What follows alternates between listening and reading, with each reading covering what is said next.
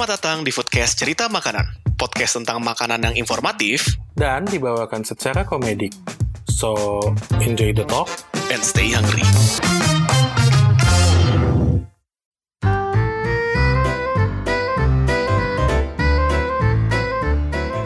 Kembali lagi di podcast cerita makanan bersama gue Zaki. Dan berapa yang lagi lapar gara-gara ngeliatin postingan tadi pagi?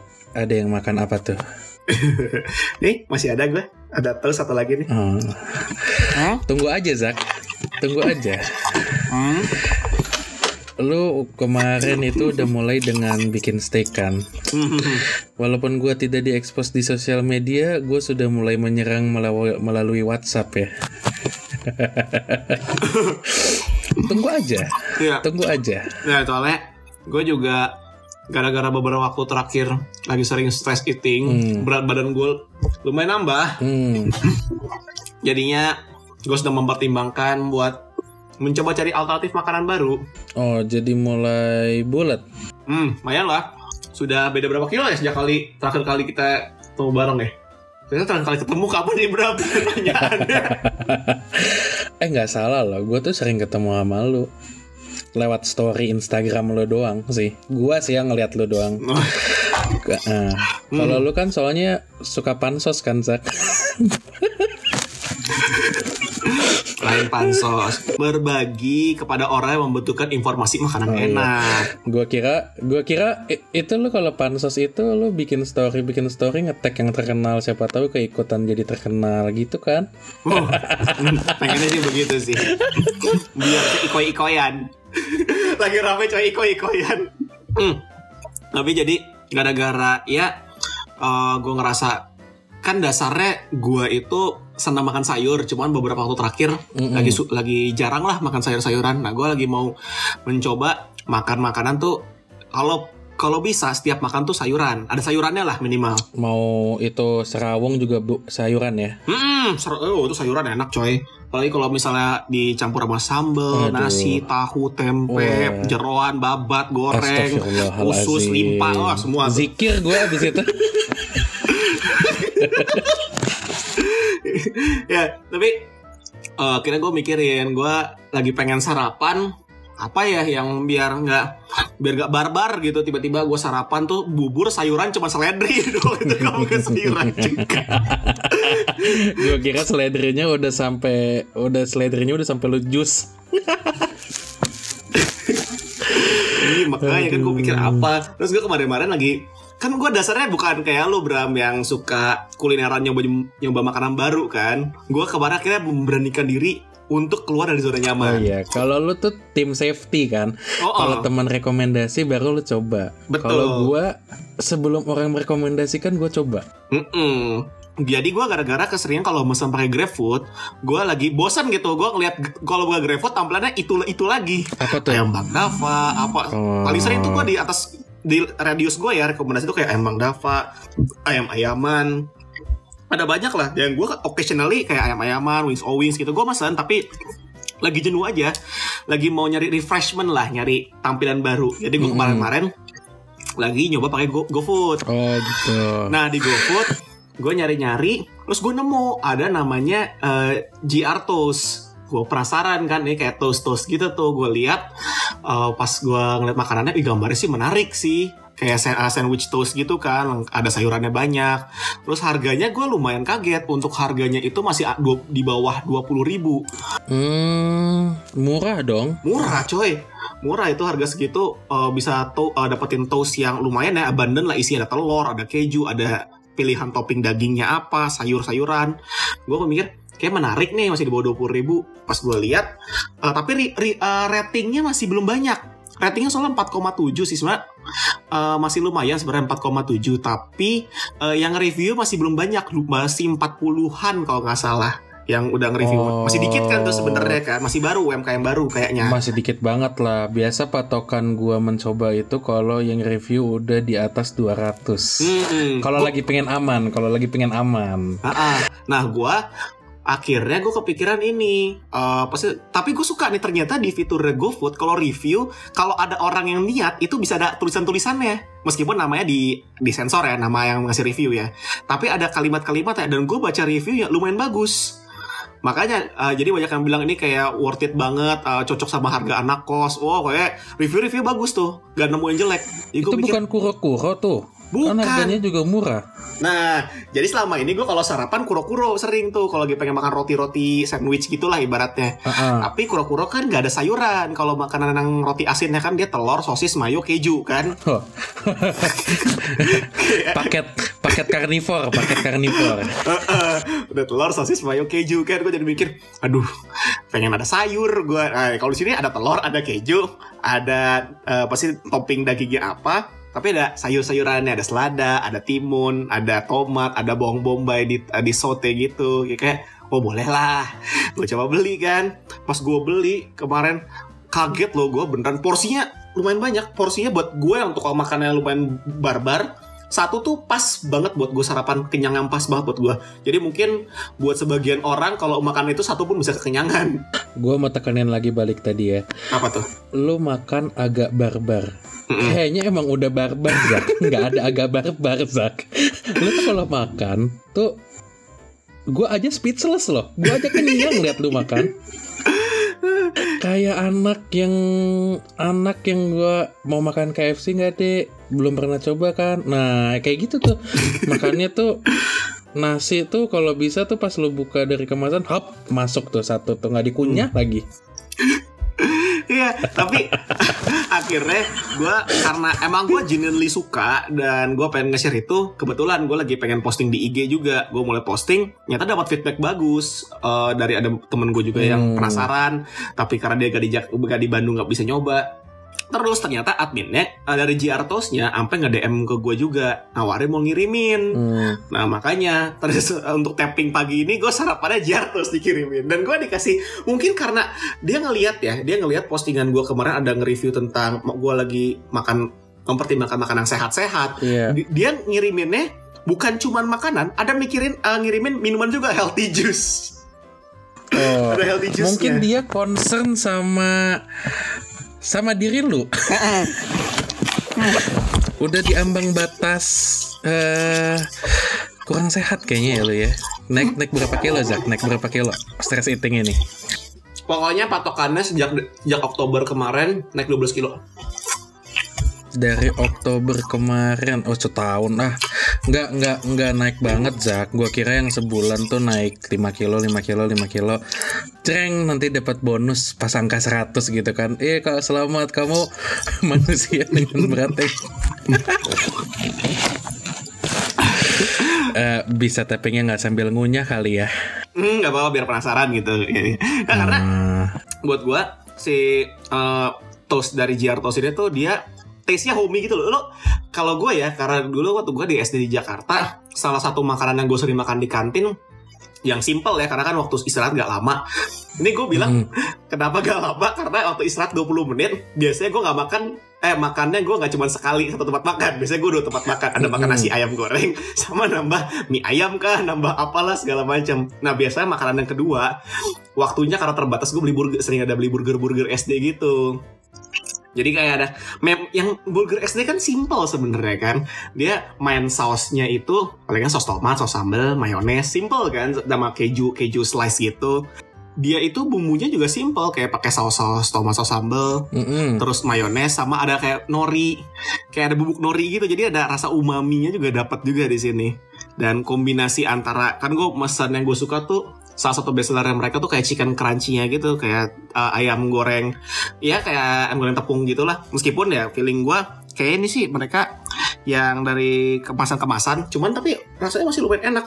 Nah, ini loh imbang gitu loh. Antara tomatnya timunnya daun eh, daun bawang bawang bombaynya telurnya. Wah ini semua pas sih kalau menurut gue jadi termasuk alternatif gue lah kalau bisa gue lagi pengen sarapan pengen yang pas buat ini gue jadi sesuatu langganan sih kayak ke mereka Ya siap-siap aja kali ya.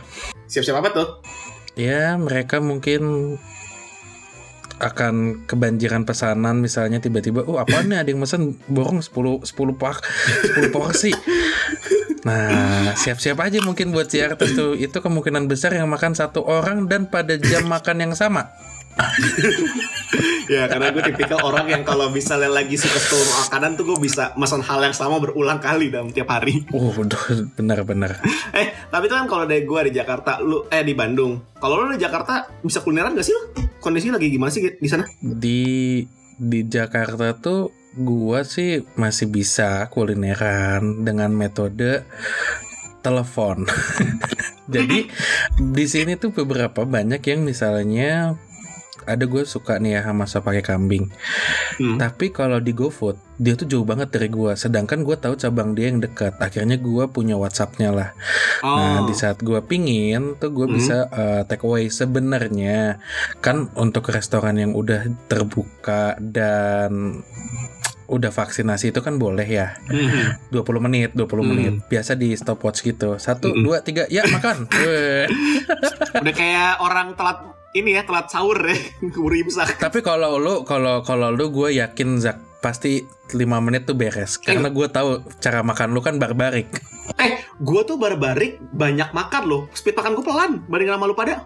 Iya makanya kan gue bilang lu tuh porsi lebih banyak dibanding gue. Mm. Lu makannya cepat, gue makan lebih pelan. Ah, nada iya loh. Eh nggak percaya loh. Tapi gue tuh um, lagi kangen nih sama makan soto-sotoan mm. sebenarnya. Akhirnya kemarin tuh dari makan sampai ke kambing yang gue tahu itu bersantan ya walaupun itu sehat banget ya buat gue ya kan banyak limpa paru usus. Ya kalau buat para lapar yang udah sering dengerin foodcast udah tahu lah ya buat Brahma itu sehat ya. Sehat loh itu. Mm. sehat mental sama dengan sehat fisik. Kalau moto hidup Zaki gue tahu Zak moto apa hidup lu apa kalau orang-orang kan bilang 4 sehat 5 sempurna kan hmm. kalau lu 4 porsi kurang 5 porsi sempurna Tapi balik lagi ke masalah soto. soto. Gue kan tuh lagi kangen banget sama makan soto. Mm -hmm. Sebenarnya gue kangen makan soto Madura. Oh iya iya iya. iya. Yang sampai sekarang walaupun banyak mm -hmm. di Jakarta gue udah nyoba ada soto Lamongan Pasadi which is uh -huh. cabangnya juga dari Lamongan ya -huh. dan yang sebenarnya gue suka tuh orang-orang yang nggak nggak apa ya nggak kenilai gitu nggak nggak hmm. ketahuan yang nggak ketahuan sama sosial media mungkin kalau Pasadi kan punya akses dia punya franchise banyak tapi ini yang pedagang-pedagang kecil nih UMKM nih hmm. kalau di Bandung gue punya langganan soto ayam which is tempatnya di Jak di jalan Savoy Homan di Jalan Homan. Jadi sebelahan banget Savoy Homan. Hmm. Dulu dia jualannya Jalan Braga, tapi sekarang dia jualan di situ. Tapi gue udah nggak tahu ya karena kan gue udah kurang lebih tiga minggu nggak ke Bandung karena ppkm ini. Hmm. Nah akhirnya gue tuh mesen ya itu soto Lamongan Pasadi pakai hmm. kulit. Uh. uh ya Allah itu. Sehat. Wih kan itu dadanya gue. Orang kan bilang gue makan dada. Iya, gue juga makan dada kulitnya di dada. Tapi jangan salah, sampai saat ini sih masih diberi kesehatan ya, masih diberi keuntungan dalam kesehatan. Cek darah juga masih aman. Biasa kalau gue makan sayur tuh gue agak-agak meriang sih. Enggak, enggak, enggak, enggak. Tapi itu karena mindset sih. tapi balik deh Zak. Si soto Lamongan itu soto Lamongan. Soto Lamongan tuh pakai koyanya enak banget loh. Kalau pas Adi terus dia kuahnya biasa. Kalau gue mintanya kuahnya ekstra. Hmm. ngomong-ngomong tentang soto Lamongan lu waktu itu pernah ke Surabaya kan? Itu bridging macam apa itu barusan? deh tak dulu, tak dulu, gue belum beres. Ngomong-ngomong soto Lamongan tuh soalnya lu per, waktu itu kan lu pernah ke Surabaya, which is daerah Jawa Timur juga kan. Iya. Nah, yang mau gue tanya lagi itu, lu kalau ke Jawa Timur tuh tahu kan ada kota-kota lain kan? Iya. Nggak cuma Surabaya doang, tahu nggak Zak? tahu. Cuman kan lu tadi ngomong satu Lamongan. Harusnya lu bilang dulu satu Lamongan kan dari daerah Lamongan Jawa Timur ya. Mungkin kita bisa bahas tentang bakar Jawa Timur nih. Enggak eh. karena karena bridging gue mau ngejek lu. Ini tuh bridging gue mau ngerendahin lu.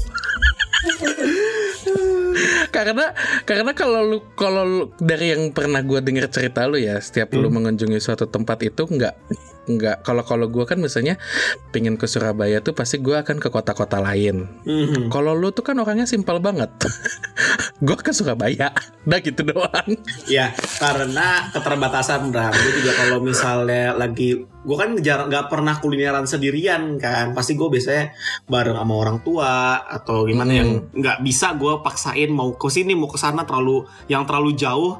Jadi ya pasti stasiun satu kota aja. Dan kenyataannya Oh, dalam satu gitu. kota aja dengan waktu yang terbatas itu gue jumlah makanan yang pengen gue samperin itu ada banyak. Yang tahapannya dalam sehari gue makan di lima tempat sampai ada satu tempat makan yang gue mempertimbangkan. Gue ke tempat makan itu ke sana jalan kaki makan ke tempat berikutnya jalan kaki lagi. Biar ke tempat berikutnya gue udah lapar dan bisa makan lagi. Emang bener kan moto hidup lu? Empat porsi kurang lima porsi sempurna pas lagi. Dulu juga baru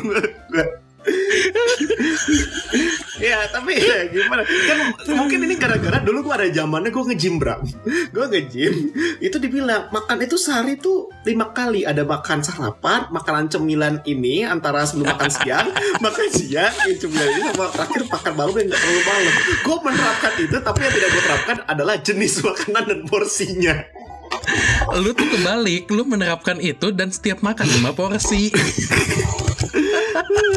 Ya tapi memang sih gua eh, kalau misalnya untuk makanan Jawa Timur influence gua ada beberapa. Satu karena keluarga bokap itu kan dari Malang.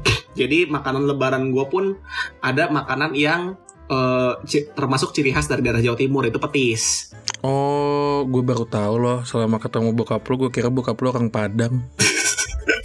Kenapa orang Padang tapi memang kalau misalnya eh, makanan Jawa Timur selain itu juga gue belum kesampaian sih gue belum kesampaian buat Mm-mm. nyamperin ke Malang karena juga di sana udah nggak ada saudara yang tinggal di sana jadi gak pernah tuh gue kayak lu kan Hmm. ke Jogja kan ada mudik Lebaran meskipun nggak ada keluarga keluarga yang tinggal di sana nggak ada tapi kan nyakar juga kan ke sana iya emang lu nggak ada nyekar ke sana nggak ada soalnya eh, almarhum kakek gua itu meskipun aslinya dari Malang karena ten- backgroundnya tentara jadi udah di dinas dan tinggal di Jakarta oh, jadi gitu. kayak udah gak ada juga makam kakek juga di Jakarta kakek nenek Mm-mm. ya udah jadi akhirnya waktu tahun berapa ya? 2015 kalau nggak salah pas bulan Agustus. Ah ini pasti bulan Agustus ya sekarang nih. Berarti ber, eh, 6 tahun yang lalu nih gue ke Surabaya nih. Singkat gue tuh gue ke Surabaya pas 17 Agustus. Dekat-dekat 17 Agustus. Karena memperingati eh, 17-an saya mau ke kota pahlawan waktu itu berpikirnya. Wih, gila. Keren ya?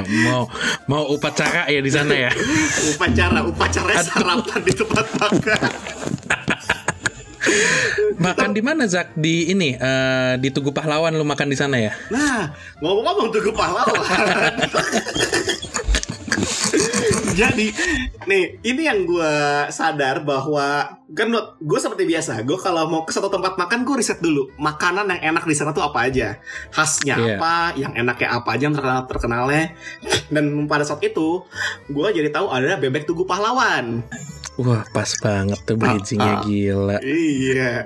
Nah, tapi gue kenapa jadi penasaran bebek tugu pahlawan selain karena banyak juga yang review dan memang eh, identik bebek goreng itu tuh khas eh, Surabaya Jawa Timur gitu nggak sih Bram? Karena yang gue tahu ya kan di daerah di kampus gue ada banyak lah bebek-bebek yang terkenal gitu. Ada ada bebek Ali Borme ada bebek eh, kalau di gue depan MBA itu ada bebek Stallone Mashan ada bebek Mm-mm. itu banyak banyak dan tapi banyak banget yang orangnya itu asli Jawa Timur. Ada banyak yang asli Jawa Timur.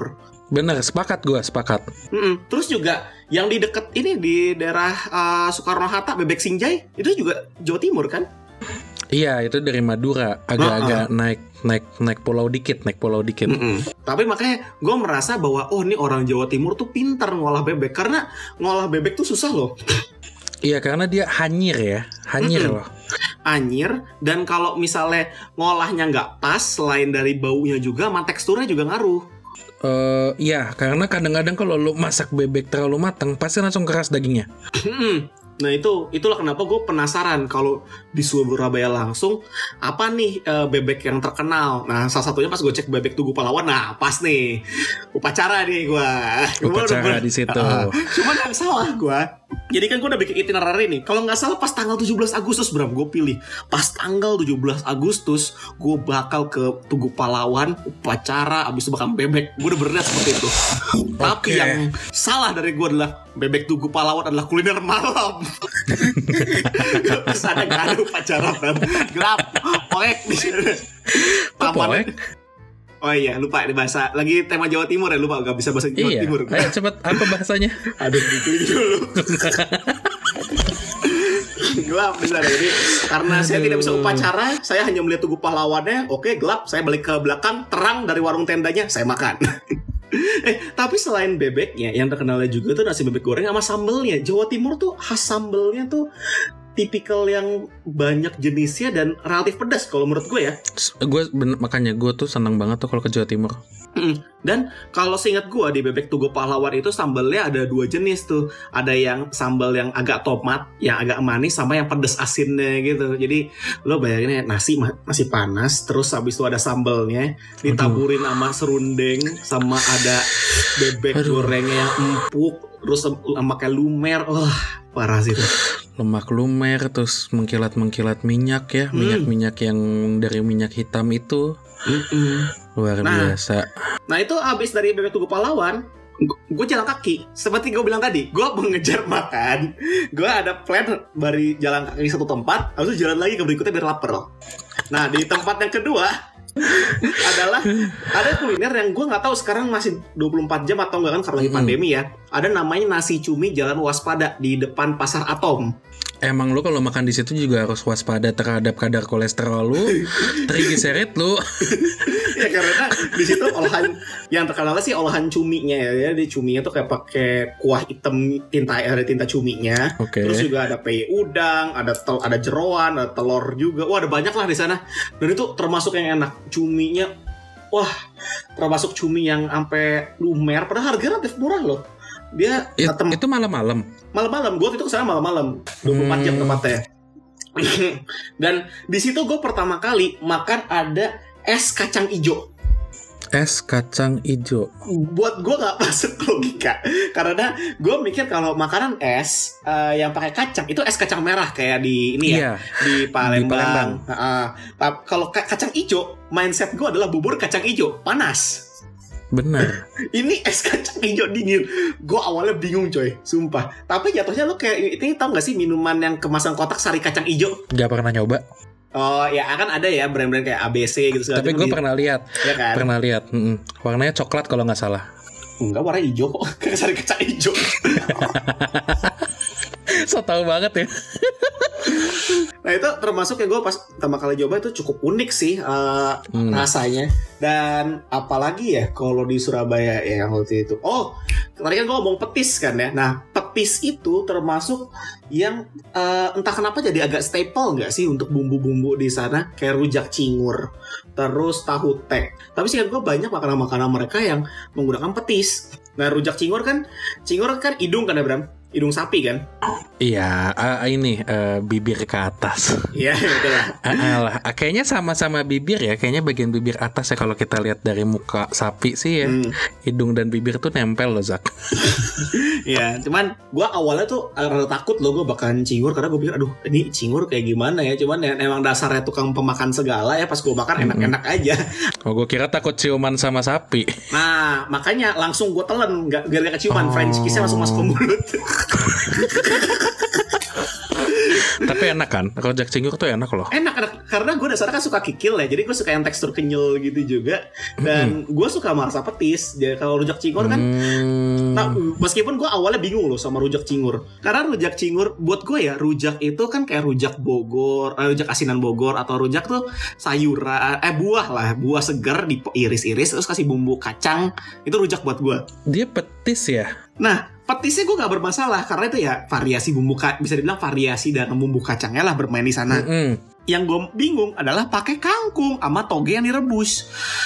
Buat gue itu gado-gado, apalagi gue besar di Jakarta kan. Buat gue yang judulnya ada kangkung rebus, toge rebus, itu bukan rujak, itu gado-gado. Dan hingga saat ini gue suka makan gado-gado di Jakarta baru tahu kalau pakai kangkung. Ada ada ada ada beberapa tempat yang pakai kangkung. Nah, nggak nggak banyak emang. Enggak, maksud gue gue baru tahu kalau itu isinya kangkung karena kan biasanya udah awet-awetan ya si Ah. sayurnya. Jadi gue nggak merhatiin yang penting masuk aja. ya, jadi emang ada beberapa style yang ada pakai kangkung. Gue gak tahu ya semua atau enggak, tapi gue sering nemu Hmm. yang ada pakai kangkung. Nah, meskipun dia ada yang mentahnya dia ada pakai toge, eh sorry pakai timun, pakai bengkoang, Hmm. tapi dia tambahin tahu, tempe, sama kerupuk. Wah itu sih, gue awalnya bingung ini bukan buat gue akhirnya memakan dengan mindset ini bukan rujak, ini gado-gado. Disiram ya bumbunya Zak. siram siram. Hmm. Akhirnya gue pas gue makan itu, oh udah dah, gue rasa penasaran gue terjawab meskipun awalnya takut tapi enak gue suka sih cuman gue gak pernah makan rojak cingur lagi selain di Surabaya karena gue gak berani juga eh, mencoba-coba yang gak certified kan tahu sendiri gue orang gak berani Hmm. explore kecuali kalau ada temen gue yang bilang Mm-mm. misalnya Zak di sini rojak cingurnya enak nah gue mungkin bakal berani coba Oke. Abis itu lu makan apa lagi tuh di sana tuh? Banyak sih ada sate klopo. Nah sate klopo tuh gue pikir pertama kali sate vegetarian. Karena kan klopo kayak kelapa gitu kan gue pikir. gue pikir ini teri- eh, sate kelapa. Jadi benar-benar pakai daging kelapa ya ternyata ya daging sapi atau ayam dia di kayak ada bumbu kelapa parut gitu ya. Ada gurih lah rasanya. Terus ya sambil Mm-mm. dibakar. Jadi kan rasanya kan rasa kelapa tuh pas udah mulai dibakar. Kan ada juga kan makanan kelapa bakar kan. Eh minuman Iya. yang ini kelapa bakar gitu. Jadi agak-agak toastinya baunya agak lebih harum terus dipakai ada bumbu kacang lagi sama ditaburinnya bukan bawang goreng pakai serundeng. Jadi ada rasa manis dari kelapa ser- serundengnya. Wah itu enak sih. Dan itu kalau saya terkenal di jalan Ondomohen deh kalau nggak salah tuh. Ondomohen Ondomohen gitu. Itu gue nyoba juga. Enak sih. Termasuk yang gue suka. Terus ada juga tahu campur kalasan. Uh, oh, tapi satu yang uh, gue suka banget tuh tahu tek pali. Jadi ta- tahu tek itu tuh uh, teknya itu gara-gara bunyi gunting. Jadi dia kalau misalnya gunting tahunya itu eh, motong tahunya tuh pakai gunting kalau di sana pakai gunting yang gede gitu. Gue kira kayak di Jakarta mie tek-tek. Nah iya gue juga mikirnya tahu tek tuh kayak mie tek tek kan dari tek wajan gitu. Ternyata Iya. teknya tuh dari ini dari bunyi guntingnya itu udah yang gue nyoba tahu tek pali itu udah 60 tahun kalau nggak salah ini tempatnya. Dan pas gue ke sana pun udah banyak foto-foto artis-artis yang ini juga lah yang makan ke sana nyampe eh, almarhum Om Bondan juga pernah makan di sana. Gue kira lu 60 tahun yang lalu makan ke sana Zak tadi dengernya. Oh, enggak enggak. Dia sudah tempat makan itu sudah dari 60 tahun, dari generasi Oh. berikutnya lah. Dan karena dasarnya gue kan suka makan ketoprak ya, yang Iya. Eh, apa sih namanya kayak makanan lontong, pakai Mm-mm. tahu, pakai bumbu kacang gitu. Nah itu juga sama mirip. Dia ada ada lontong, ada kentang, ada telur dadar, ada toge, sama ada bumbunya tuh kayak bumbu kacang petis lagi tuh. Makanya balik lagi ada mandi petis di situ sama pakai kerupuk udang. Wah itu termasuk yang gue suka juga sih di sana. Dan gue kangen banget makan tahu tek Bali. Gue kemarin-kemarin sempat nyoba tahu tek ada di Bandung bereksperimen, memberanikan diri untuk eksperimen, tapi masih belum bisa ngalahin yang di sana sih. Gue waktu itu sampai pengen nambah lagi padahal, tapi karena ada schedule tight ya, banyak schedule, jadi saya berkorban hanya makan satu porsi di sana. Buat saya itu berkorban, Bram. Iya, itu gue kaget loh. Ini, ini, ini ekspresi muka gue lagi kaget. Akhirnya berkorban makan satu porsi. Seumur hidup gue makan nama Zaki, gue minta ayam satu potong dari satu ekor aja. Suruh pesan sendiri loh. eh, tapi bawa, bawa porsi banyak ya, gue ada satu momen di waktu di Surabaya, gue kaget banget. Gue kaget banget karena Apa tuh? Jadi ada gue waktu itu nyari tahu ada namanya nasi goreng jancu. Nasi goreng jancu. Kok lu ngegas sih? Eh, namanya nasi goreng jancu bukan gue Lu ngegas. jancuk lu. Wah ngegas tuh. Ya, gue tahu Zak nasi goreng tuh apa. Iya namanya nasi goreng jancu. Tuh kan? Wah gak tau malu loh. Nah tapi tempatnya itu lumayan unik. Jadi dia di Surabaya Plaza Hotel kalau nggak salah. Jadi itu nas menu makanan di hotelnya. Oh itu di hotelnya? Di hotelnya. Gua nggak kebayang jadi turis di hotel itu. Bahkan mas nasi goreng jancu satu. nah, ya kenapa gue sampai kayak ini eh, ngebahas yang nasi goreng jancu? Gara-gara gue kan ngeliat dari foto ya. Lo tau gak Iya. sih kalau di Bandung kan ada tempat makan kayak ada kios yang kayak gitu-gitu di mana dia punya kayak piring bentuknya kayak wajan kecil gitu loh. Tau gak? Oh iya iya gue Iya tahu kan? gue tahu gue tahu iya ada ada ada. Nah, di foto itu kayak ada nasi goreng di atas wajan itu. Gue pikir ya piring wajan. Oh iya. Heeh. ya udah, saya pes, saya pesen satu porsi. Datang itu sewajan dari dapur dibawa bro. Penuh Itu- numpuk. Itu Uncle Roger approve sih. Pakai wok sampai penyajiannya pakai wok loh. Nah, itu porsinya dan gue juga bodohnya gue gak ngeh dengan harganya harganya tuh lumayan mahal seratus ribu atau berapa Oh. berapa gitu harusnya gue nyari itu bukan porsi satu orang dan gue pikir nasi goreng jancuknya itu kenapa dibilang jancuk karena rasanya yang pedas tapi ternyata pas datang melihat porsi kayak gitu gue pun pengen ngumpat lihatnya Loh, bukannya akhirnya masuk lima porsi sempurna lu Zak? tapi kan saya kan jadi berkorban tempat makan yang lain Nah, Oh. akhirnya saya memutuskan manggil bala bantuan. Gue langsung nelpon temen gue, nanya, Bert, lu lagi di Surabaya kan, Bert, gue mau minta tolong. Gue lagi di Surabaya, lu bisa ke sini nggak ke Surabaya Plaza Hotel? Dia pikir gue tahu kenapa mau. gitu kan? Nggak tahu ya bantu abisin dong supaya dibanyak banget porsinya. ya, Gila tapi sih. itu sih pengalaman gue di Surabaya cukup menarik dari kulineran-kulinerannya tapi ya balik lagi kalau kita ngebahas Jawa Timur paling banter gue tambahan sambal petis kan kalau di keluarga gue di lebaran gue bikin sambal petis tuh. Mainnya pakai ada santan dan rasa serehnya yang berasa sama, sama rasa petisnya. Tapi itu doang yang eh, influence gue terhadap Jawa Timur. Palingan eh, yang lain-lain kayak ke arah Madura ke arah Banyuwangi itu gue belum pernah tuh explore ke sana. Tapi mungkin kalau lo ada pernah pernah punya pengalaman gak sih ke daerah sana Kan pernah. Waktu itu kita pernah banget loh tapping gue lagi di Banyuwangi. kan itu kan tapping pengalaman kulinerannya apa kali ini cuma lewat Oh. doang kan Ada, ada, ada. Apa tuh? Jadi waktu itu gue ditawarin mau makan rujak nggak rujak apa tuh sama soto, rujak soto. oh satu rujak gitu ya Jadi rujak enak kan ya? Gue pernah Iya. jelasin kan di tapping sebelum kan. Rujak enak, Rujak enak. soto enak kan. Lu gabungin tuh. Ya gue juga bisa bilang Bram Indomie goreng enak es krim Baskin Robin enak lu campurin juga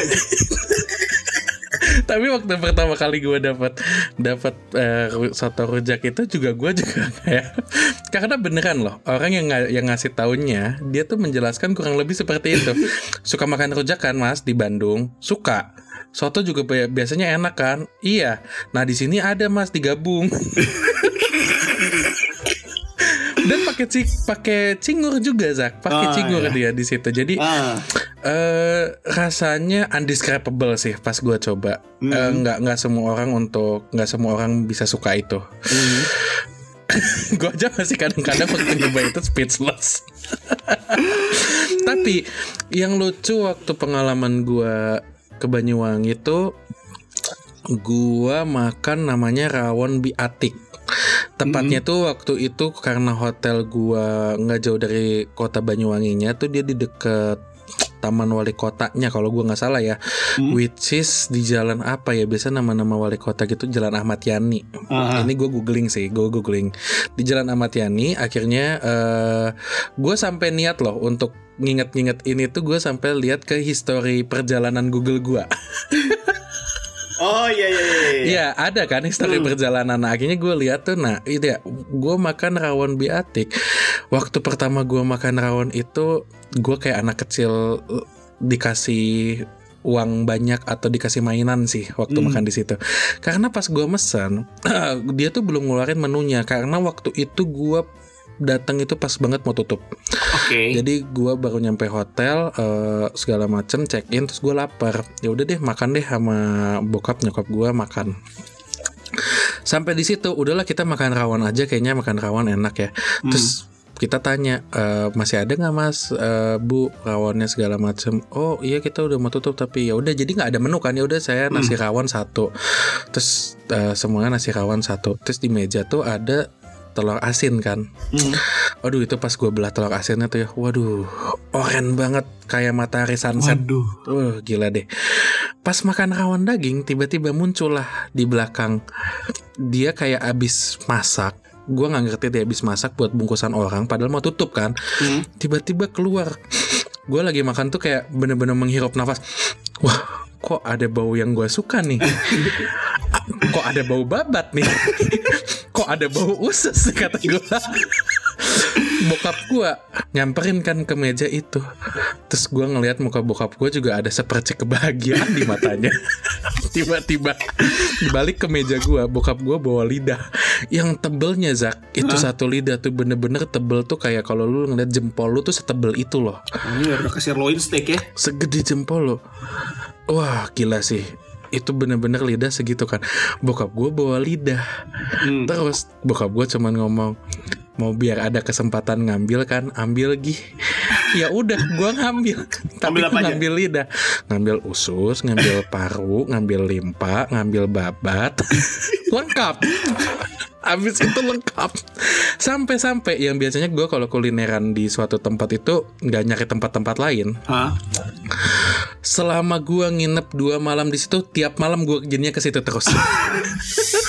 Kak, ada faktor ada faktor lagi yang ketiga sambelnya enak banget dan asam jeruknya luar biasa Waduh. itu gua makan rawon so far menurut gua rawon biatik itu mungkin rada-rada turis ya tapi menurut gua tuh eh, enak Hmm. enak banget enak banget Eh, sama abis itu pas gua di sana siangnya tuh gua diajak makan sego tempong Sego tempong. Tempong tuh apa sih? Iya, sebenarnya ada ada yang terkenal tempong tuh sambal. Ada yang Oh. terkenal tuh nambah namanya tuh sego tempong Mbak Nah apa Mbak Wah gue lupa. Tapi karena waktu itu gua nanya satpam hotel kalau nggak salah gue nanya oh nggak gue nanya supir hotel Mhm. Pak ada nasi tempong yang enak nggak yang suka dimakan nah waktu itu akhirnya kalau nggak salah gue dibawa ke nah, sego tempong Mbak Har Mhm. makan di situ dipilihin tuh. Gue kira kan sego tempong spesial ya tapi kalau menurut gue sih sego tempong itu kalau kayak kita makan wartegan sih sebenarnya warung nasi ya. Mhm. cuman dia pakai sambal tempong.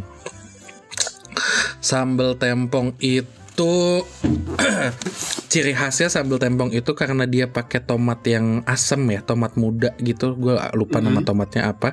Sama pakai jeruk. Jadi asem zak sambalnya nggak nggak ada nggak ada terasi gitu nggak ada kalau nggak salah ya apa pakai terasi Bram, ya gue Ini gue lupa google ini sambal tempong. Terbuat dari cabai rawit berjumlah banyak, terasi, tomat, oh pakai terasi tuh pakai dan Dah. jeruk nipis. nah itu Nah, dan lanjutan nih Bram, sesuai namanya tempong yang artinya tampar. Pedasnya sambal ini sesuai ditampar. Nah, nasi sego tempong itu buat gua sama nyokap kurang pedas. Balik Ah. lagi. Tamparan di hidup gua lebih parah dibandingin tamparan tempong. Oke. Tapi pas gua makan sih mm, menurut gua spesial ya sambalnya seperti biasa spesial tapi yang menjadi spesial waktu gua makan di situ tiba-tiba dia ngelu dia nawarin mau es temulawak mas karena gue pencinta jamu Hmm. eh, sense of jamu gue tingling gitu kayak Nah, wah boleh nih. Abis itu ada feedback yang kurang baik gara-gara makan minum es temulawak apa itu? malamnya gue kelaparan karena nafsu makan gue bertambah.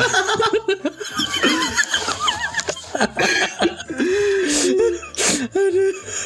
akhirnya gue pas malam itu balik lagi ke Rawan BAT pulang dari Banyuwangi eh, pulang dari Banyuwangi gue ke Malang. Hmm. ke ke ini bokap lu ya Zak ya? Ke, Iya. ke rumah bokap lu.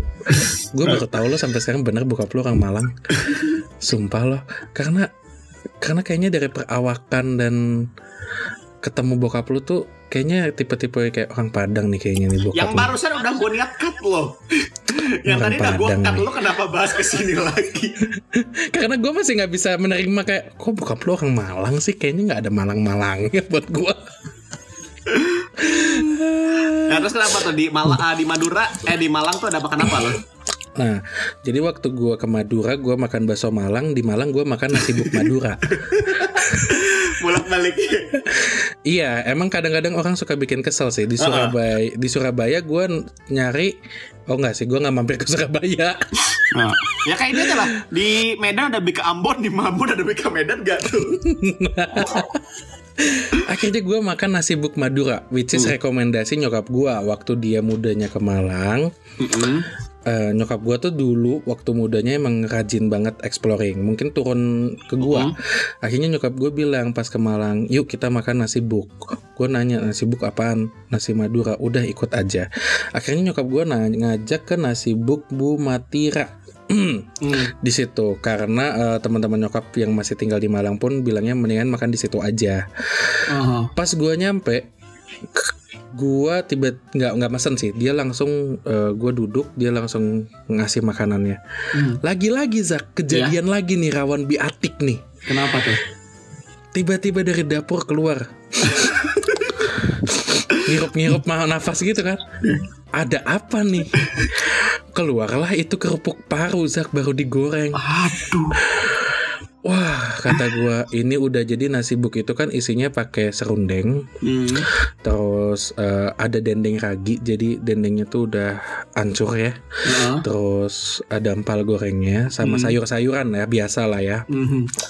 Sambalnya mungkin eh, mirip-mirip sambal tempong tapi ag- a- agak beda sih ya gue nggak tahu itu mungkin sambal tradisionalnya. Eh, Yang pastinya kalau nggak salah ada rasa mangganya sambalnya di situ. Ah. Jadi khas Madura banget kan, ada mangga mudanya. Pas gue makan di situ tiba-tiba ada kerupuk paru baru digoreng dan itu Zak gua harus kasih tahu ya kerupuk paru itu bukan kerupuk paru yang kelas kayak kita biasa makan di rumah makan Padang yang udah potongan oh enggak Hmm. ini parunya full bro satu piring aja ketutup sama kerupuk paru Udah kayak kerupuk mie kau beli asinan Bogor ya. Iya aduh kata gue itu kerupuk paru ya Allah dan lagi-lagi ketemu lidah lidahnya emang tebel lagi sih di situ. Wah gila sih. Itu selama di Jawa Timur ya udah mas sambal enak, ada jeruan, udah surga lah buat gua. Sampai bisa gua maafin itu soto rujak.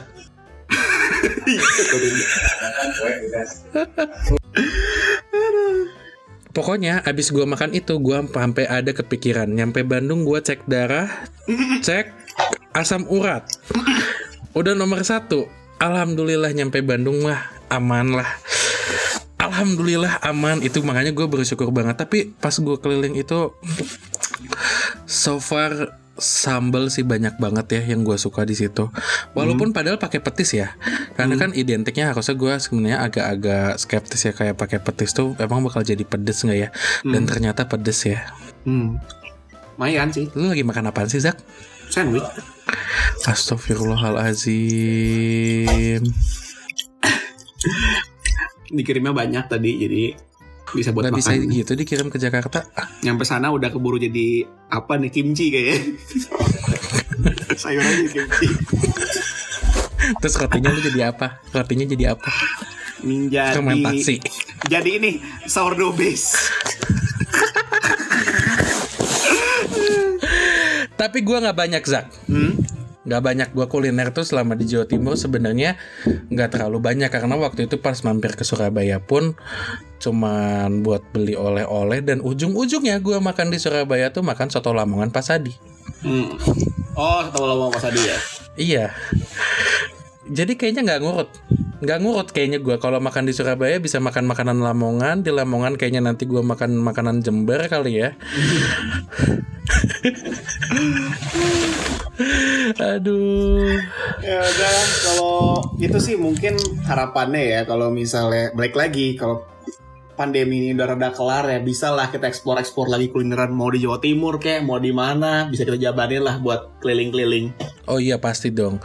Nanti pakai mobil Zaki yang Mini Cooper ya Zak ya, Wih. yang kayak Mr Bean kan? Iya Mini Cooper KW Honda Brio Oh, iya. atau pedong dipakai stiker biar warnanya beda. Nanti kita nyetirnya pakai sofa di atas mobil Zak. Ya udah sih sekian aja buat episode kulineran Jawa Timur ini. Kalau bisa kalian suka, jangan lupa untuk share di Instagram Stories kalian atau ke Twitter kita juga bisa ke Twitter cerita underscore makanan. Atau di Instagram kita Foodcast Cerita Makanan. Bisa ke Instagram gua zaki.muhammad. Instagram gue Ramadan Brahma. Thank you for listening to this episode. Until next time. Stay hungry.